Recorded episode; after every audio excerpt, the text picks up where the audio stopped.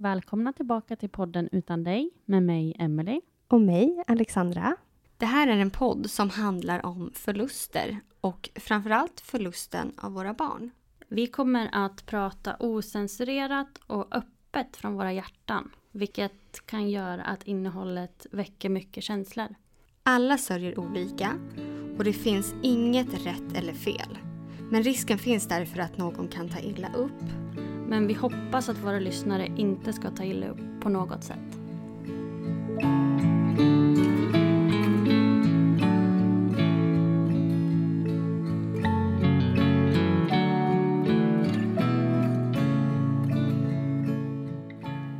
Dagens gäst som vi har här hos oss heter Peppe och är pappa till Abbe som föddes samma år som mig.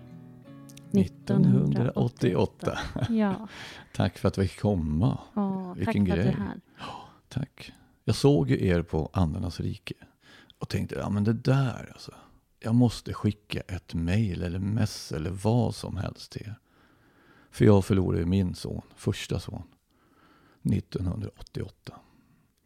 Och det blev en vaginal förlossning och vi hade honom ja, många timmar där.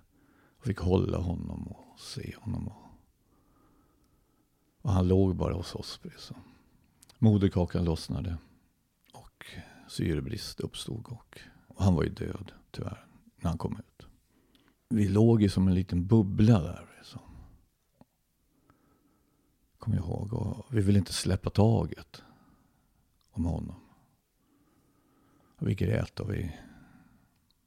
Ja, det var många känslor där som sagt. Då. Eh, till slut så kom i alla fall sköterskan och läkaren in och sa att de måste ta, ta honom. Och då frågade de oss om vi ville antingen skicka honom till en laboratorium och, ja, så att man kunde konstatera vad han dog av. och Så där. Eller till forskning sa de också. Och vi ville inte det. Det var för starkt för oss tyckte vi. Vi ville begrava honom och ha en, en plats att gå till. Och det gjorde vi. Så han ligger nu i Södertälje kyrkogård. Med en fin gravsten där. Det var ju länge sedan, alltså. 35 år sedan. Men ändå bär jag med honom varje dag. Varje dag finns han med mig. Jag tänker på honom varje dag. Det är märkligt det där. Jag är ändå pappa. Liksom. Jag har ju inte burit honom. Upplevt den känslan, hur det är. Men ändå så finns det ett starkt band på något sätt. Och det, det är konstigt. Jag, jag, man, jag kan inte förstå det liksom, egentligen. Kände du att det bandet, att du hade det redan när din flickvän då var gravid? Eller kom det så fort du såg honom? Nej, det var nog när jag såg honom. Mera. Visst, det fanns kanske ett band. Man upplever ju saker och ting när man står utanför precis, också. Jag är ju musiker så jag spelade mycket gitarr och sjöng och sådär liksom, för honom. Då, när han låg där i magen. Men det blev ju mycket starkare det bandet. När han kom ut och man fick se honom. Och jag tyckte han såg precis ut som mig när jag var liten. Mm. Det var så märkligt. Kolsvart hår och exakt samma. Mm. Det var... Ja, det var jättekonstigt. Liksom. Det var konstigt tycker jag, att man såg sig själv. Annars brukar mammorna säga oj, där, titta, där är han så lik mig, eller hon är lik mig. Och, och pappan han får fortfarande stå där utanför. Men det var, det var som, ja, det var jag, typ. Fast det var inte jag. Ja, det var märklig, Mm. märklig känsla. Liksom. Och vackert naturligtvis. Även, även fast han inte levde så var det ändå vackert. Liksom. Att få vara med på en vaginal förlossning då, men där han inte levde. Det var, det var, det var vackert men ändå så tragiskt. Liksom. I samma stund. Kommer du ihåg om du tyckte att det var läskigt eller så att se han när du visste att han skulle vara död? Nej, jag tyckte inte det.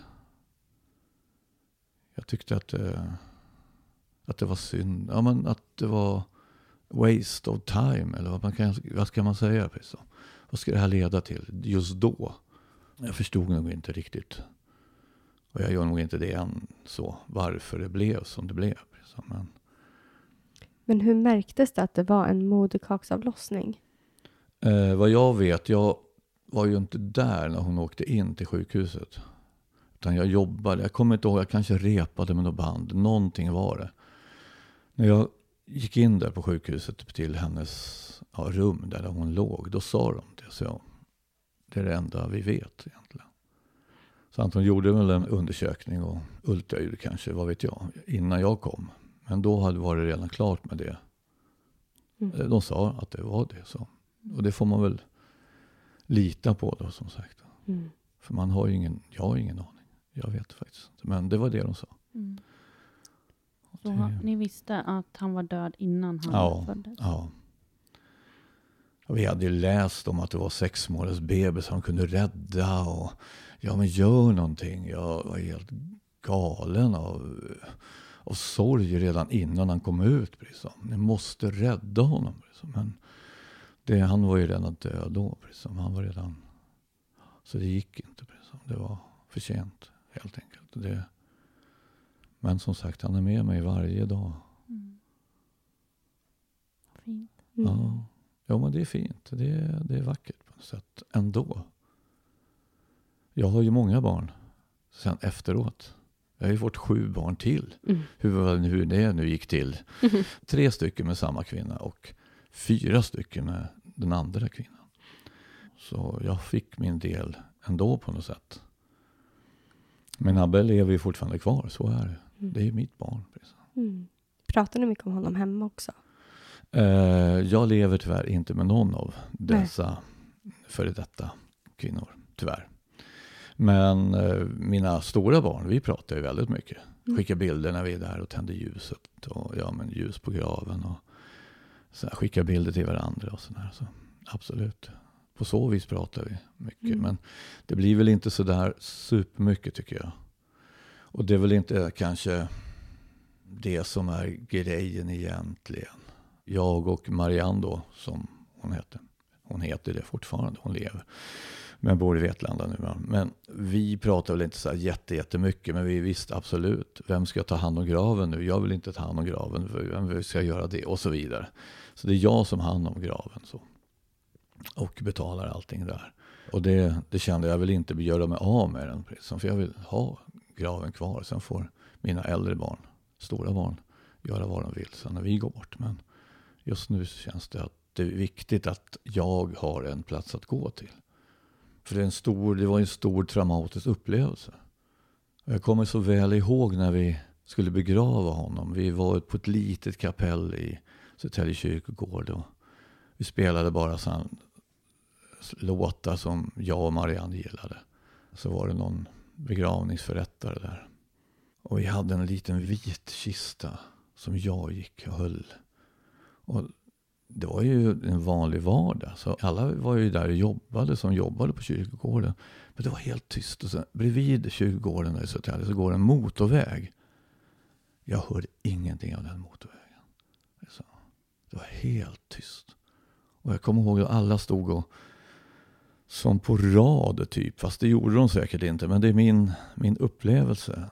Att de som jobbade på kyrkogården där stod där och, och bara ja, när vi gick förbi. Liksom. Det var långt till den här barngravsavdelningen. Så det var en väldigt lång bit.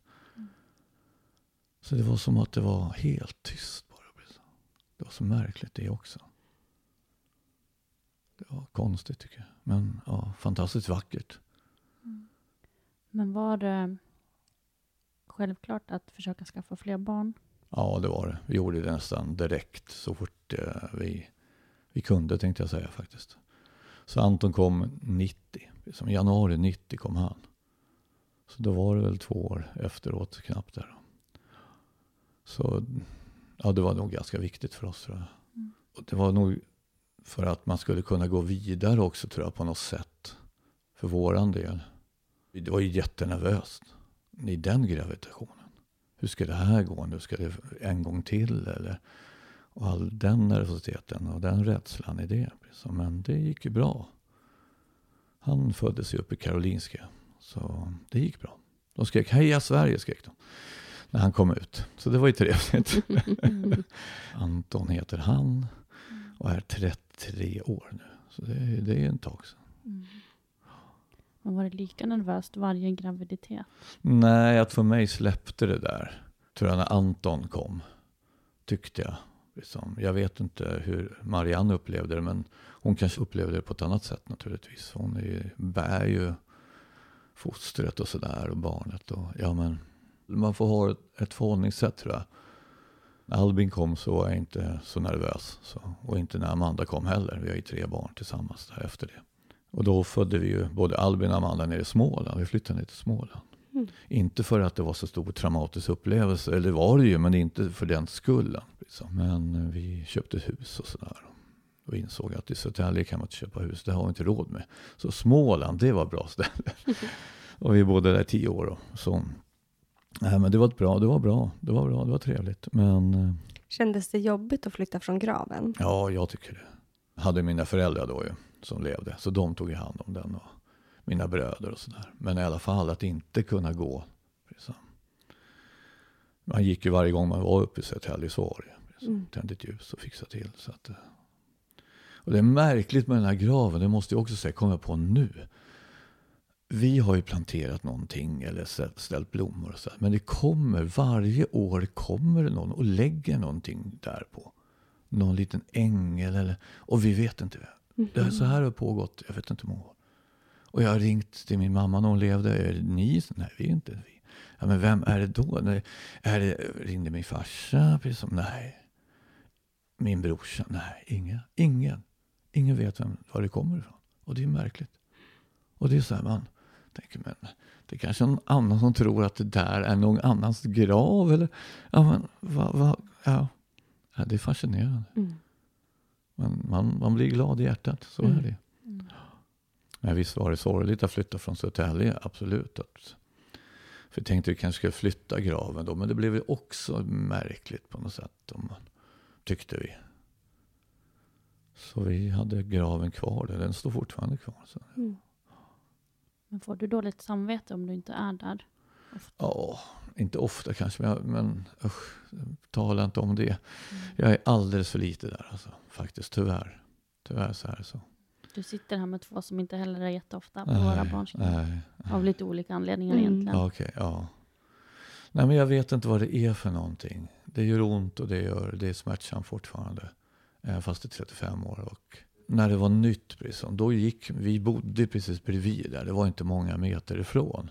Då var man ju där varje dag. Liksom. Varje dag var vi där. Och då kunde man ju sitta och snacka. Liksom. Idag så tände jag ett ljus när jag är där. Och säger hej Abbe och sådär. Men det blir inte mycket samtal så egentligen. Det blir mer det, ja nu, är, nu, nu kommer låten som jag har gjort till dig. Liksom. Och min känsla i det. Eh, Sådana saker blir det väl kanske. Då. Mm. Tyvärr är man alldeles för sällan där. Men jag tänder ett ljus hemma. Jag bor ju alltså, ja, jag vet inte hur många mil det är från Södertälje till Sala. Jag bor ju i Sala just nu. Så, så det blir också att man inte åker förbi Södertälje. Liksom. Mm. Jag vet då när vi flyttade, 2000 kom jag hem igen från Småland. Då flyttade jag till hem till Södertälje igen och sen så flyttade jag till Eskilstuna. Och bodde där i många år varje gång vi skulle gå upp till Stockholm och spela eller hälsa på någon så åkte vi alltid igenom Södertälje på något vis. Det gick inte bara att åka förbi på motorvägen. Jag skulle alltid igenom. Helst till Abbes grav. Det är väl en kärlek till både staden och... Och sen har vi Abbe där. Jag har ju Abbe där. Liksom. Det är en connection på något sätt. Fortfarande. Även fast jag inte bott där på, jag vet inte hur länge nu känns det så. Mm. Men... Eh, Men är det där du känner dig närmast honom? Nej, jag känner nog närmast honom överallt egentligen. Annars hade jag inte kunnat skriva den här sången för jag inte... Den skrevs visserligen i Södertälje eh, 2005, kanske 2006 någon gång. Så lång tid tog det för mig att kunna sätta någonting på pränt tror jag. Och det var, det var för starkt och det var för svårt och det var för sorgligt och det var för ja, mörkt helt enkelt. Tror jag. Och kunna sätta mig och göra något. Jag hade en tanke att göra det länge innan jag skrev den. Men nu är den ute på Spotify. Så nu efter 35 år. Ja, det är märkligt. Alltså. Mm. Det är också konstigt. Och låten heter Till Abbe. Ja, till Abbe. Under titeln är Jag kan höra hur änglarna spelar ikväll. Men ja, den är, den är vacker tycker jag. Den berör mig fortfarande. Det, det är också en låt som jag verkligen älskar. Precis som, med all sorg egentligen. Mm. Men jag behövde få ut den där. Det var så. Jag behövde få ut det där på något sätt. Och det är väl det jag gör i mitt låtskrivande egentligen. Det är det, alla sorger och alla förluster och all glädje och allt vad det nu kan vara för något. Kärlekar och ja men. Det kommer ut där helt enkelt. Men nu har det ju också gått 35 år som sagt. Ja, precis. Skulle du vilja berätta lite hur du tycker att sorgen har förändrats? Om du tycker att den har förändrats? Ja, det har den. För mig har den gjort det. Jag var ju, det var ju smärtsamt att komma hem. Jag jobbade på en småbarnsavdelning kommer jag ihåg när, jag jobbade, när vi kom hem. Och jag gick ju och jobbade. Liksom. Det var ju så. Man såg inte till mannen, jag tror inte det, eller till pappan rättare sagt. Jag tror inte man såg så. Utan det var mest mamman och, ja men vill du bli sjukskriven så får du det, sa hon till dem. Och sen tittade de på mig och sen sa, jaha, du går väl och jobbar typ? Ja, jo, det gjorde man ju. Och så såg man de här bebisarna och det var ju bara bedrövligt. Alltså det så bara, gjorde ju ont varenda dag. Man hade först Abbe och sen så såg man dem på de här. Liksom, och bara, ja, men, hur klarar jag det? Jag vet inte. Jag gick väl som, ett, som en dimma där bara. Mm. Det var inte så många barn på den tiden. Vi hade tolv tror jag. Men dock, liksom. förstår inte hur jag fixade det. Liksom. Jag grät inombords varje dag. Liksom. Idag är det ju inte så. Idag kan jag glädjas över också att han finns på något sätt inom mig. Så. Att de minnena också är väldigt starka fortfarande. Och det är jag väldigt glad över. Så det finns kanske ingen sorg så. Över att det blev en förlust. Liksom. Jag tycker jag har vänt den där. Just med Ab, till Abbe-sång, sången till Abbe-låten. Och Har vänt det till en styrka istället. Precis.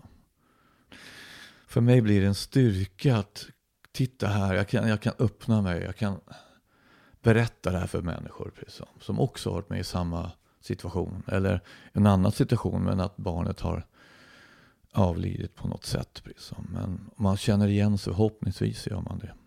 Och det tycker jag sorgen har förändrats. Alltså att det blir en, en lättnad över att man inte känner så stark sorg fortfarande. Precis som. För det hade man nog gått under tror jag också. Man måste leva sitt liv. Precis som. I alla fall så tänker jag. Och jag förstår att man kanske inte kan det. Vem kan det precis som egentligen? Men, men för mig var det viktigt att göra de saker jag älskar att göra. Att fortsätta göra det också. Det tog ett tag. Det tog väldigt lång tid tyckte jag. Och just det, när man, när man går i den sorgen då, när det har hänt och jag vet inte hur många år det tog innan jag kunde släppa liksom, och känna att jag inte sörjde så som jag gjorde i början. Liksom. För det tär på en, eller på mig tärde det väldigt mycket. Men det är skönt också att kunna känna att man kan släppa precis som ibland. Och man behöver inte ha dåligt samvete för det heller. Jag har inget dåligt samvete över att för sorg och kärlek förändras genom tiden. Och det är bra. Precis. Men minnena bär man med sig. Och det är också bra. Och man kan kliva in där ibland och bara ja, vara. Precis. Det är också viktigt att känna att man får vara glad. Man får göra saker och ting som man älskar att göra. Mm. Det var viktigt för mig. Och idag så bär jag ju honom med glädje med mig istället för att jag är en sorg egentligen. Sen kan jag ju bli väldigt, väldigt ledsen så. och tagen av jag vet då vi skulle spela, jag och min gitarrist Tony Borg som jag spelar med nu. Vi skulle spela på Solstugan här i Stockholm i alla fall i somras och då skulle vi lira den låten. Och det gick inte, det gick inte. Alltså, jag vet inte vad jag höll på med. Alltså, det var som att det, all sorg bara kom över mig. Det gick inte att spela den där låten. Jag fick sluta. Det var bara, ja, det gick inte. Där, jag är fortfarande där på något sätt. Liksom. Och det var jag inte riktigt beredd på. Det var så, det var, och det sitter ju folk och ska lyssna på mig, Peppe Ekberg. Wow! Liksom. Och det var... Men det, det, är också starkt att kunna visa sin sårbarhet på något sätt. Det är, inte, det är inget farligt i, det, i sig. Så. så tänker jag i alla fall. Mm. Man är ju bara människa, men även fast man är man och man är uppvuxen med att man är, ska vara hård och så vidare. Mm. Men man är ju bara människa och det är... Det kommer över en, eller mig i alla fall ibland, den här stora sorgen. Just då kom det över mig och jag jag kände, nej tyvärr, jag, jag, och jag grät och det, ja, det var så. Det var... Du får komma hit nästa gång vi spelar. Mm. Så, det var så. Men det finns en styrka i det. Eh, man växer med erfarenheter, och man, även fast man kanske inte ser det alla gånger.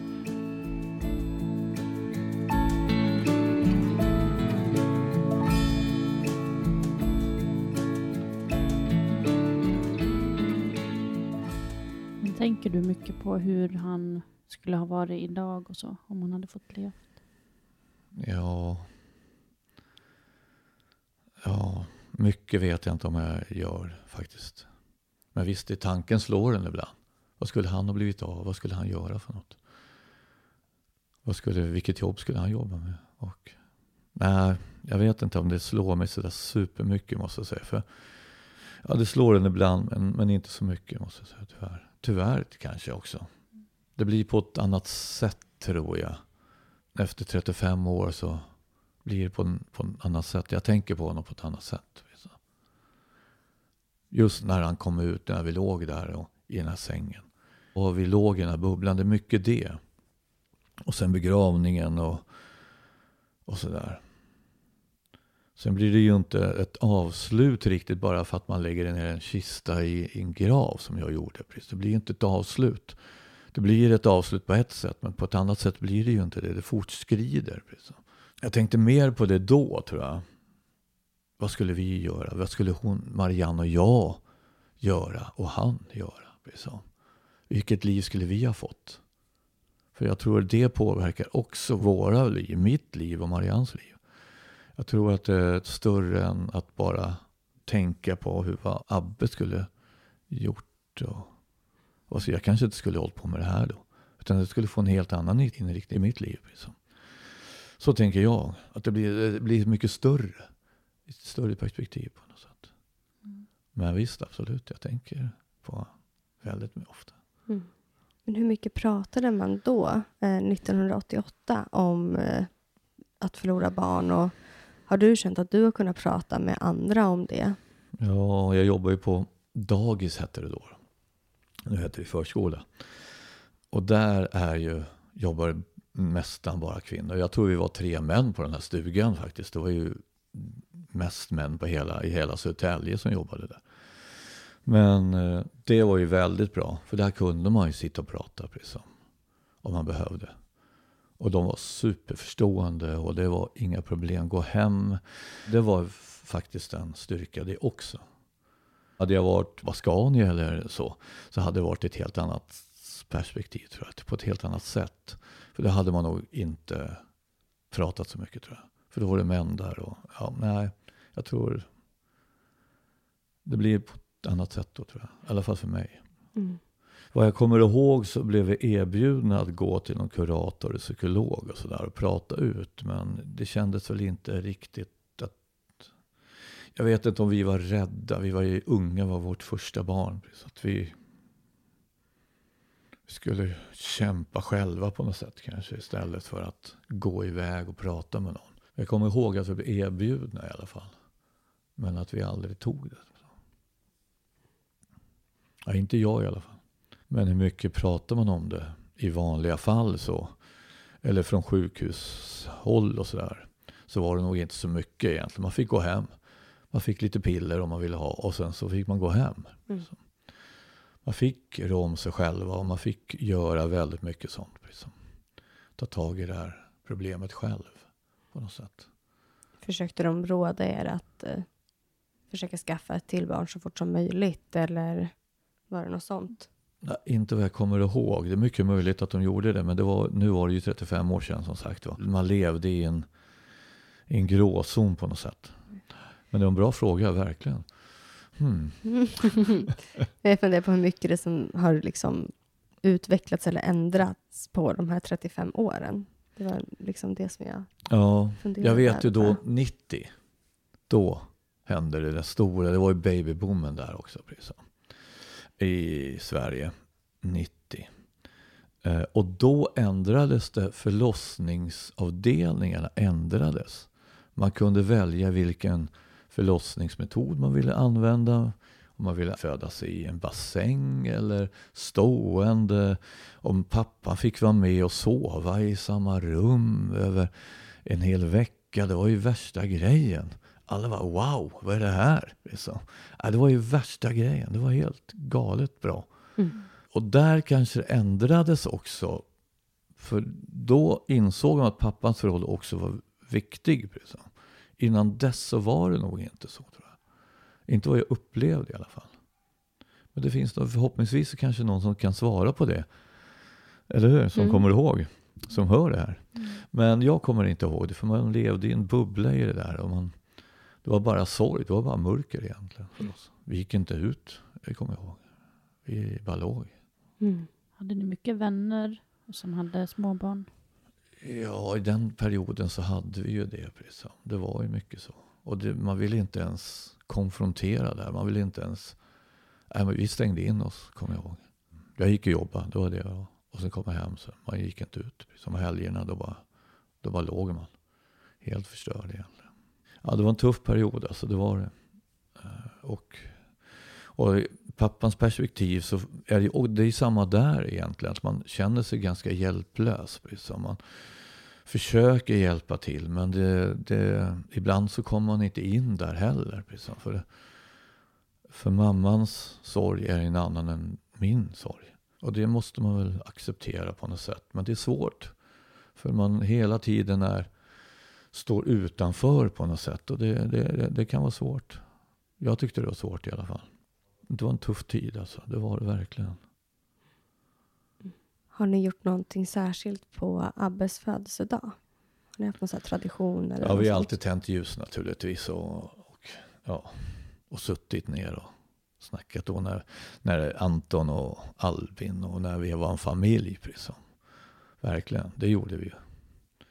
Och det är också viktigt tror jag. Så att man inte glömmer bort eller låtsas att, den, att han inte har funnits eller finns eller i våra liv som mamma och pappa. Liksom, till de andra barnen som kommer efteråt. Liksom, att de också får vara delaktiga tyckte vi var viktigt. Och Amanda, dottern där, min stora dotter, fyller 30 år. Hon, hon är ju väldigt, väldigt på. Precis som, och väldigt, det är, vä- där, för henne är det väldigt viktigt att vi går till graven, tänder ljus. Har du varit där nu? Har du gjort det här nu? Och sådär. Och, och så vidare. Och det är också en styrka tycker jag. Att de har fått vara med i våran sorg. Så, på något sätt. För det, jag tycker det är viktigt. Ja, sånt pratar ju vi mycket om. För vi har ju också fler barn. Mm. Mm. Hur många har ni nu då? Eh, ja, Ture har en lilla syster. Mm. Mm. Och Sally har tre syskon. Okej, just det. Mm. För man vill ju göra dem delaktiga men ändå inte så här att det ska bli någonting påtvingat. eller- Nej, precis. Det är ju det där också. Och det, för det vill man inte. Men ändå vill man ha med... Ja, men man är en familj. Man vill ha med alla på tåget om man säger så. Mm. På något sätt. Och de ska inte heller känna skam eller... Ja, det ska vara en naturlig del i familjen. Så Mm. tänker jag. Jag tycker det är viktigt. Mm. Mm, det låter Ja. mycket klokt och fint. Ja, Ja, tack. verkligen. Tack. Nej, men jag tycker det, sådana saker är viktigt. Är man familj så ska väl alla vara med. Liksom. Det, hålla folk utanför eller barn eller så. här. Ja, jag har lite svårt med det. För det kommer ändå fram och så säger man varför berättar inte ni det här förut för? Ja. Och då blir det ju bara konstigt. Det blir märkligt. Mm. Men om du träffar en person idag som du inte Mm. har träffat och ni kommer in på att börja snacka om familj och så och den personen frågar hur många barn du har. Vad brukar du säga då? Ja, jag har sju barn, brukar jag säga. Jag brukar inte ta upp Abbe. Men jag vet ju inte vad den här personen går med för erfarenheter om det och sådär. Mycket känner jag så här, nu när jag släppte den här låten till Abbe. Att det är väldigt många som, åh, det känns som att man vill tycka synd om. Jag tycker ju inte det är så. Mm. Jag tycker att det, för mig är det en styrka. Liksom. Och där vill man ju inte hamna att folk går och tycker synd om en egentligen. Mm. Det är synd, men, men man vill inte, eller jag vill inte ha den approachen, eller vad man kan kalla det för någonting. Mm. Att folk ska gå och tycka synd om men Och då väljer jag nog inte första gången jag träffar dem. Att säga att jag har en kille som ligger på Södertälje kyrkogård. Liksom. Men lär känna den här människan så berättar jag ju det, absolut. Mm.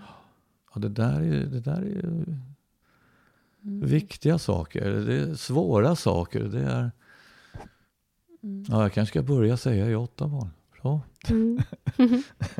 Jag har lärt mig något jag med. Ja. Fantastiskt. Jag Mm. tänker att man får göra det som känns bäst för en själv. Ja, det tror jag nog. För mig är det naturligt att säga sju. Mm. som. Jag vet inte vad det är för något. Men, Mm. men det är bra, bra insikt. Verkligen.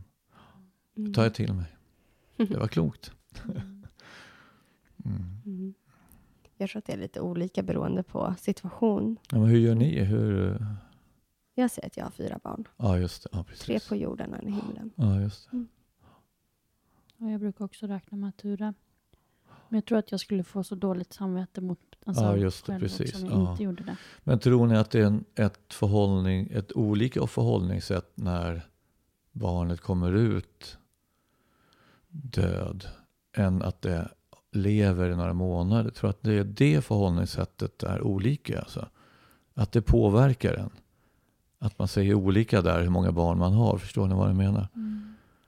Jag tycker att det är jobbigt att komma in och prata om Ture eller ja, men, att han är död. Mm. Om jag är på, ja, men, säg roliga saker, typ en personalfest och så. Eh, Ja, för det där känns kanske som man att inte... Ja, men eh, snarare kanske att det är så för mig. Att det beror lite på vad man är i för situation. Men ja, det är ju jätte, det är klurigt. Ja, det är klurigt. Och vilken, vilken sinnesstämning man själv är, tycker jag också. Mm. Men sen vill man ju prata om sina barn, även om Ja, de inte lever. Så Och- är det ju. Så det är det. Och det är också absolut. viktigt att göra det. Mm. Väldigt viktigt. Mm. Men jag lägger ju ut Abbes grav. Tar en bild precis som när jag varit där ibland. Precis som, och lägger ut det på Facebook och sådär. Så det är inte någonting jag gömmer alls. Mm. Och sen har jag gett ut en låt. Mm. Ja, men man kan inte gömma sig någonstans där heller. Mm. Och det är också skönt. Jag tycker det är en, det är en befrielse också att man kan. Man behöver inte skämmas för det. Det händer saker i livet och så är det. Det man är inte sämre människa för det. Men man har de dåliga samvetskvalen då när det händer. Jag hade jag också. Jag hade absolut. Jag är en sämre pappa. Jag är jättedålig. Jag tror mycket musiken, min musik och sådär har stärkt mig i många avseenden i mitt liv. Som sagt. Mm. Att skriva av sig och ja, Mm. göra låtar Mm. av det. Precis. Mm. Jag är lite nyfiken på hur ni kom fram till namnet Abbe. Ja, det var ett arbetsnamn egentligen. Han skulle nog heta något annat, tror jag. Ni vet hur, hur det är när man ska föda barn. Eller man har barnet i magen och man ligger där i sängen och man eh, tittar på namn och man bara drömmer hur det ska bli. Och fantastisk värld är det. Den världen kan jag sakna även fast jag är 63 idag. Den är ju fantastisk. Och vi pratade och man bollar namn. Och, nej, den där. Ja, men det där. Ja, men den. Nej, åh, nej, nej, nej. Det där påminner mig om min gamla, ja, vad nu, nu kan vara för nytt. Kusin eller morfar. Nej, nej, nej, nej. Eller ja, vem det nu Eller min gamla granne. Nej, usch. Nej, men det vill vi inte. Eller vad det nu kan vara för någonting. Vilka människor man har träffat på genom livet. Men vi tyckte väl Abbe var ett bra arbetarnamn på något sätt. Inte arbetar, arbetar, utan när han låg i magen. Mm. Den, det arbetet. Eh, innan han kom ut. "Ja, Vi, vi, vi, vi kommer nog på något namn. Så var det. Så. Eh, det var därför. Mm. Och det var Marianne som kom på det tror jag. Och jag tänkte, ja okej då. Det där låter ganska bra. Mm. Och då fick han ju heta Abbe sen. Ja. Så det var, vi hade ju inget annat. Vi kan ju inte döpa om det. Men, nej, men det blev, så han fick ju heta det. Och det ja. Mm, tycker det är jättefint. Mm. Så gulligt. ja, det är nu i dagens läge. Då 1988, det var ju väldigt ovanligt tror jag. Mm. Att heta Abbe. Men hon hade säkert en bra, någonting bra med det namnet. Mm. Annars hade jag nog inte kanske godkänt det heller. Jag tyckte så här, ja, men det där lät ju gammalt. Men nej, det är gulligt, det är fint namn faktiskt Mm. tycker jag. Ja, verkligen. Ja. Och så körde ni vidare på A-tema då? alltså? ja, i den familjen så gjorde vi det. det var Alton, Anton, Albin, Amanda och Abbe också naturligtvis. Ja, alla på A. Ja. Nu får du nämna dina andra barn också, annars blir det orättvist. ja, det blir orättvist ja. Jag har ju fyra barn med en annan kvinna. Mm. Och de heter Love, heter ena. Den äldsta där. Och sen har vi Felicia. Och sen har vi två tvillingar. Ja, tvillingar är ju två. Men Nisse och Holger heter de. Mm. Mm. Så- Många fina namn. Mm, Ja, verkligen. Nisse och Hogge brukar vi säga att de heter. Ja. Och de heter likadant också. De heter Nils Holger. Heter den ena. Och den andra heter Holger Nils. Mm. Så Försäkringskassan var lite så här, men hallå, vem är vem nu. Ja, Mm. lite kul. Ja. Vi brukar fråga våra gäster eh, vad de liksom har upplevt varit bra och mindre bra stöd. Har du något? ja, men det, för mig var det sjukhuset där. Absolut, det var ju inget bra stöd därifrån. Men jag, vi fick, jag fick gå hem, that's it. Och sen sa de till mig, men du jobbar, du kan börja jobba. Ja men hallå, ska jag jobba? Så jag ja du kan ju börja jobba nu. Nu har du varit hemma i, ja vad det nu kunde vara för något. Jag kommer inte ihåg hur länge man var. Pappa fick inte vara sjukskriven sådär väldigt ofta. Eller länge efter den förlossningen. Så jag gick och jobbade. Det var det, var det sämsta tycker jag. Varför gav jag inte, varför, varför blev jag inte förbannad där? Liksom? Utan jag gick och jobbade. Det var galet egentligen. Det bästa, eller vad sa du? Bästa stödet? Mm. Nej, men det var ju från nära och kära naturligtvis. Nära och kära från min mamma och hennes mamma och våra gemensamma vänner. Precis, absolut. Där var ju allt stöd egentligen. Men för oss blev det väl lite så att vi gömde oss tyvärr, eller väldigt mycket. Att vi inte ville svara i telefon. Det var ju en vanlig telefon i väggen då på den tiden. Jag drog ut Jackie, kommer jag ihåg, och låste dörren. Och, ja, men. men absolut, när vi väl var, var med, med våra vänner och så där, och, så var det ett otroligt stöd därifrån. Men de försvann inte, trots att ni inte Nej, svarade? nej. Nej, det tyckte jag inte någon gjorde så. Och sen så, jag spelade ju med band då också. Så, så de repade jag med. Så det var också någon sån här tillflyktsort eller som man kunde glömma lite. Precis som. När på jobbet då tänkte jag hela tiden på det här naturligtvis när man jobbar på småbarnsavdelning.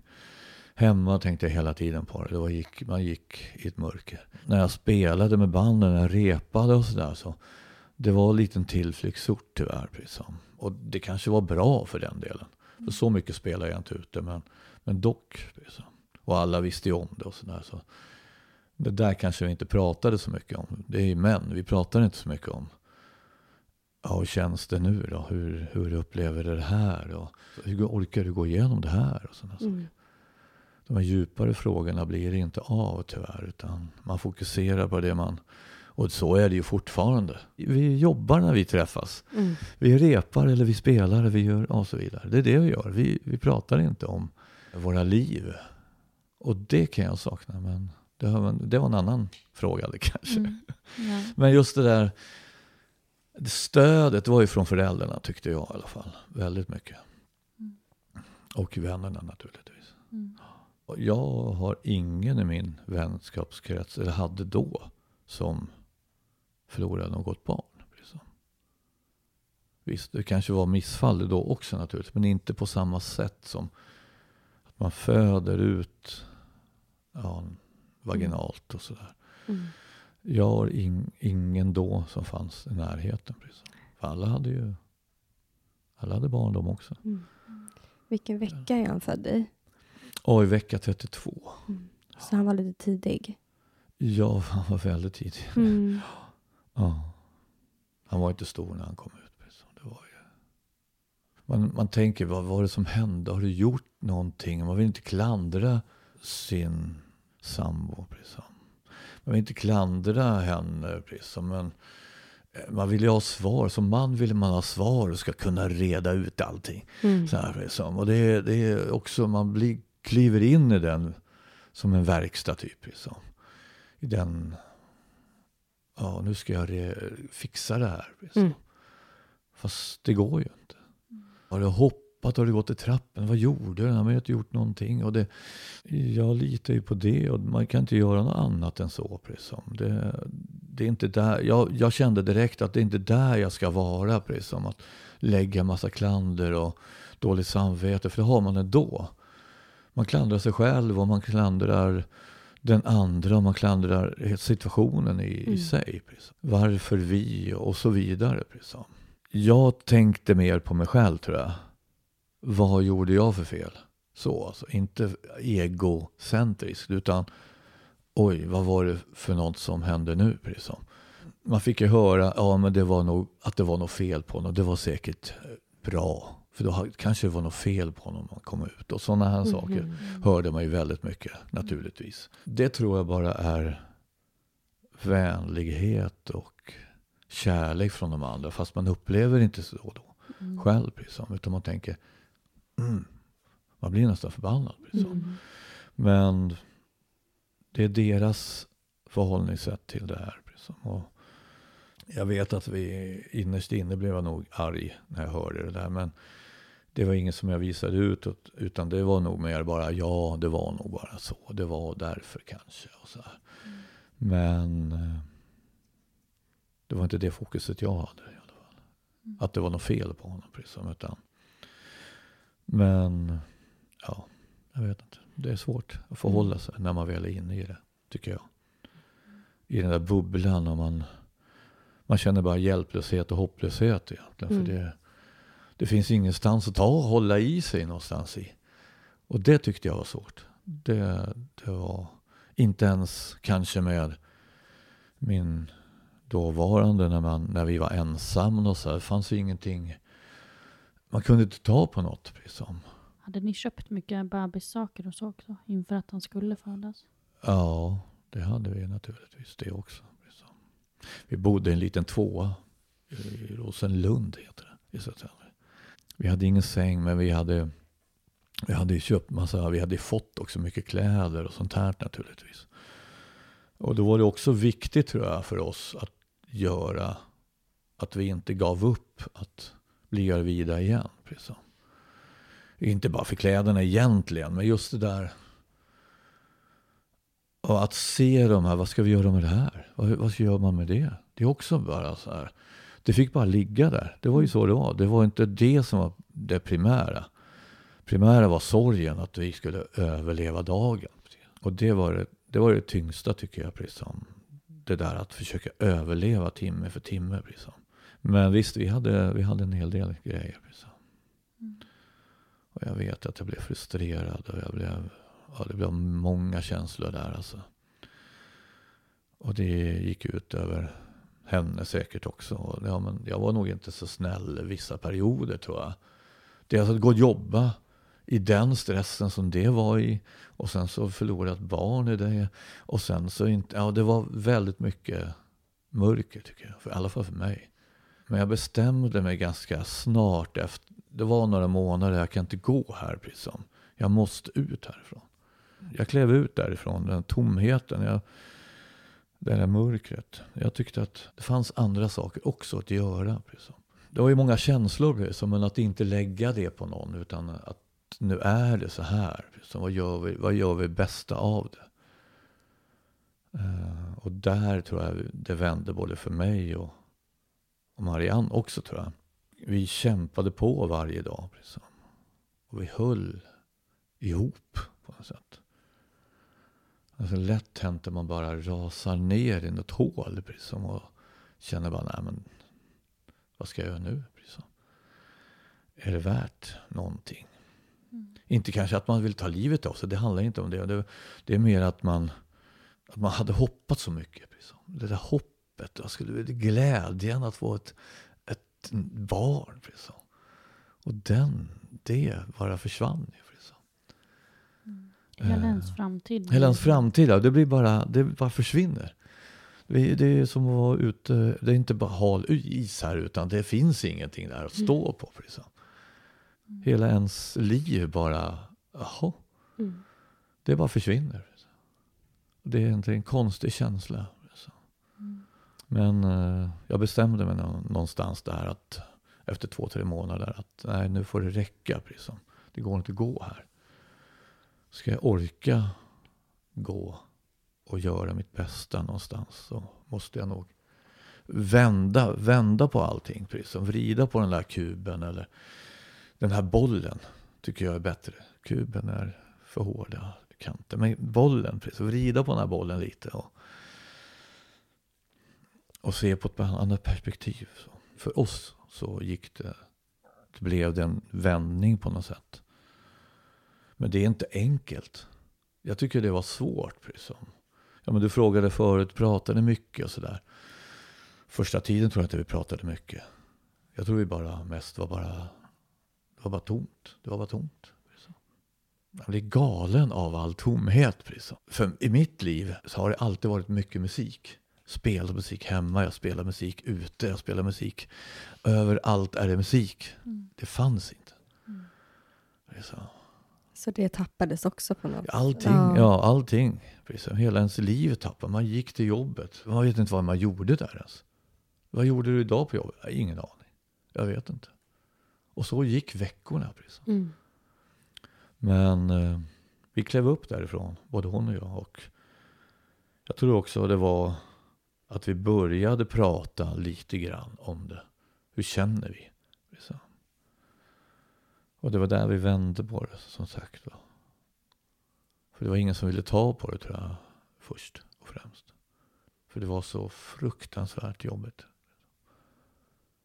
Vi lever nu. Mm. Här och nu. Hon på sitt håll och jag på mitt håll. Och vi träffas ibland. Mm. Med våra stora barn. Och väldigt, väldigt trevligt. Mm. Ibland umgås mm. med varandra. Vi åkte till Sälen, sa vi det? Nej, det var Idre var det i alla fall. Åkte vi upp till. Och var där fyra, fem dagar. Mm. Och sov i samma, alla sov i samma rum naturligtvis. Vi hyrde en stuga där. Mm. Fantastiskt. Mm. Och det var, det var trevligt. Mm. Ja, det funkar på något sätt ändå. Och jag vet då när jag var nere här med eh, Anton, han bor i Nynäshamn. Albin bor i Linköping och Amanda bor i Vetlanda. Hon, mitt ex då, flyttade till Vetlanda då.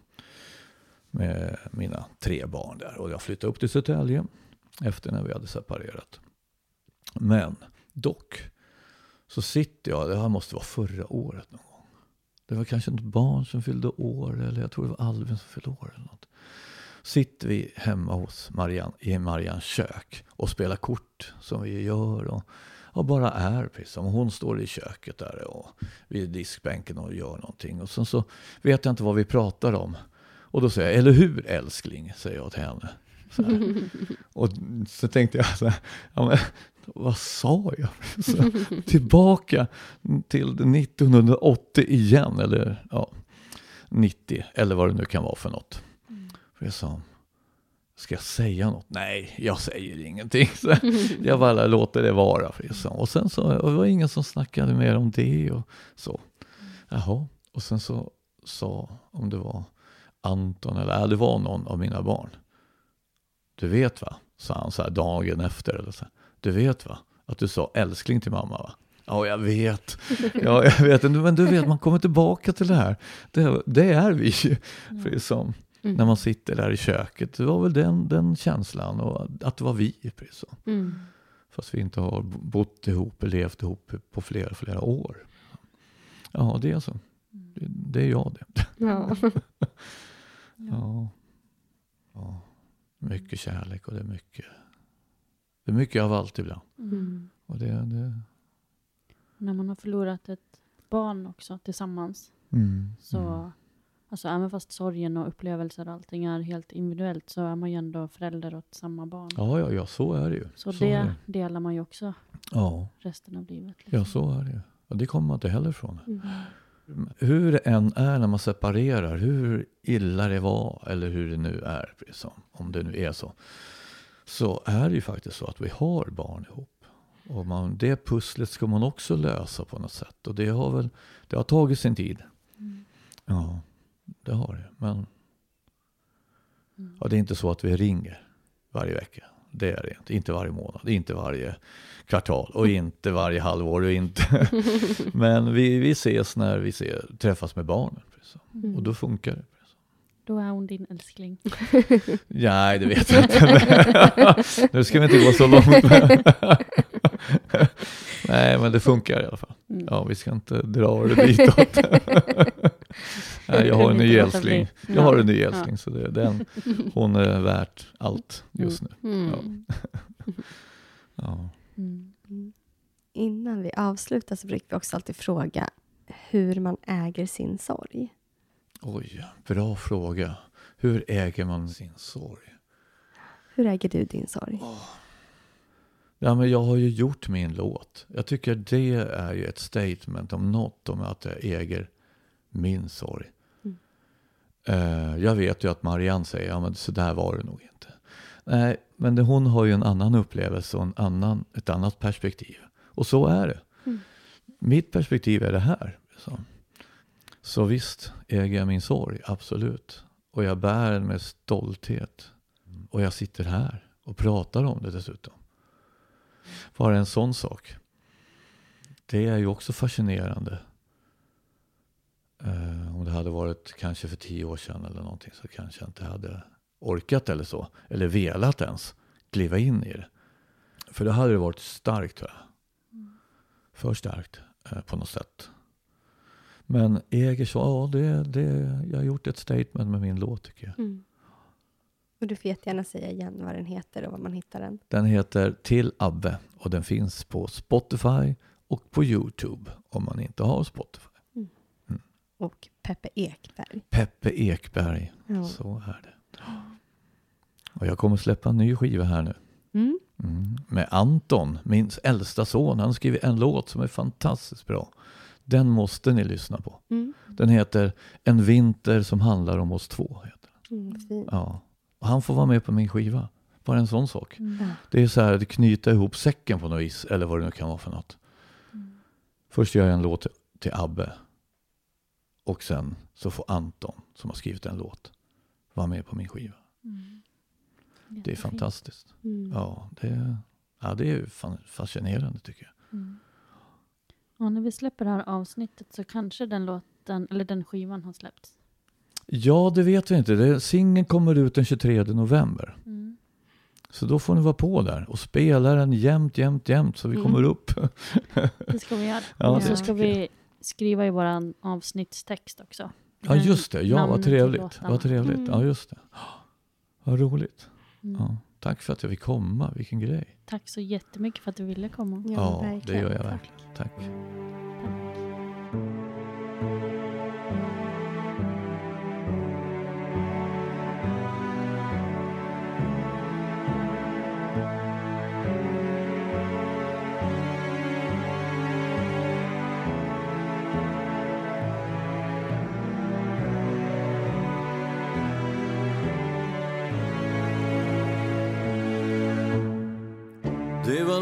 sen som vi sågs nu. Så många år sen som jag höll dig i min famn.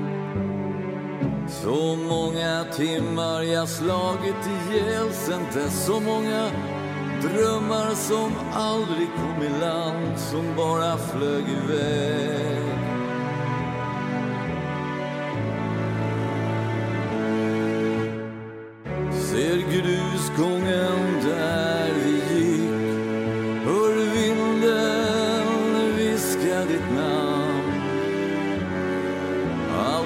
stjärna som skulle bli ditt liv smulas sönder tillsammans.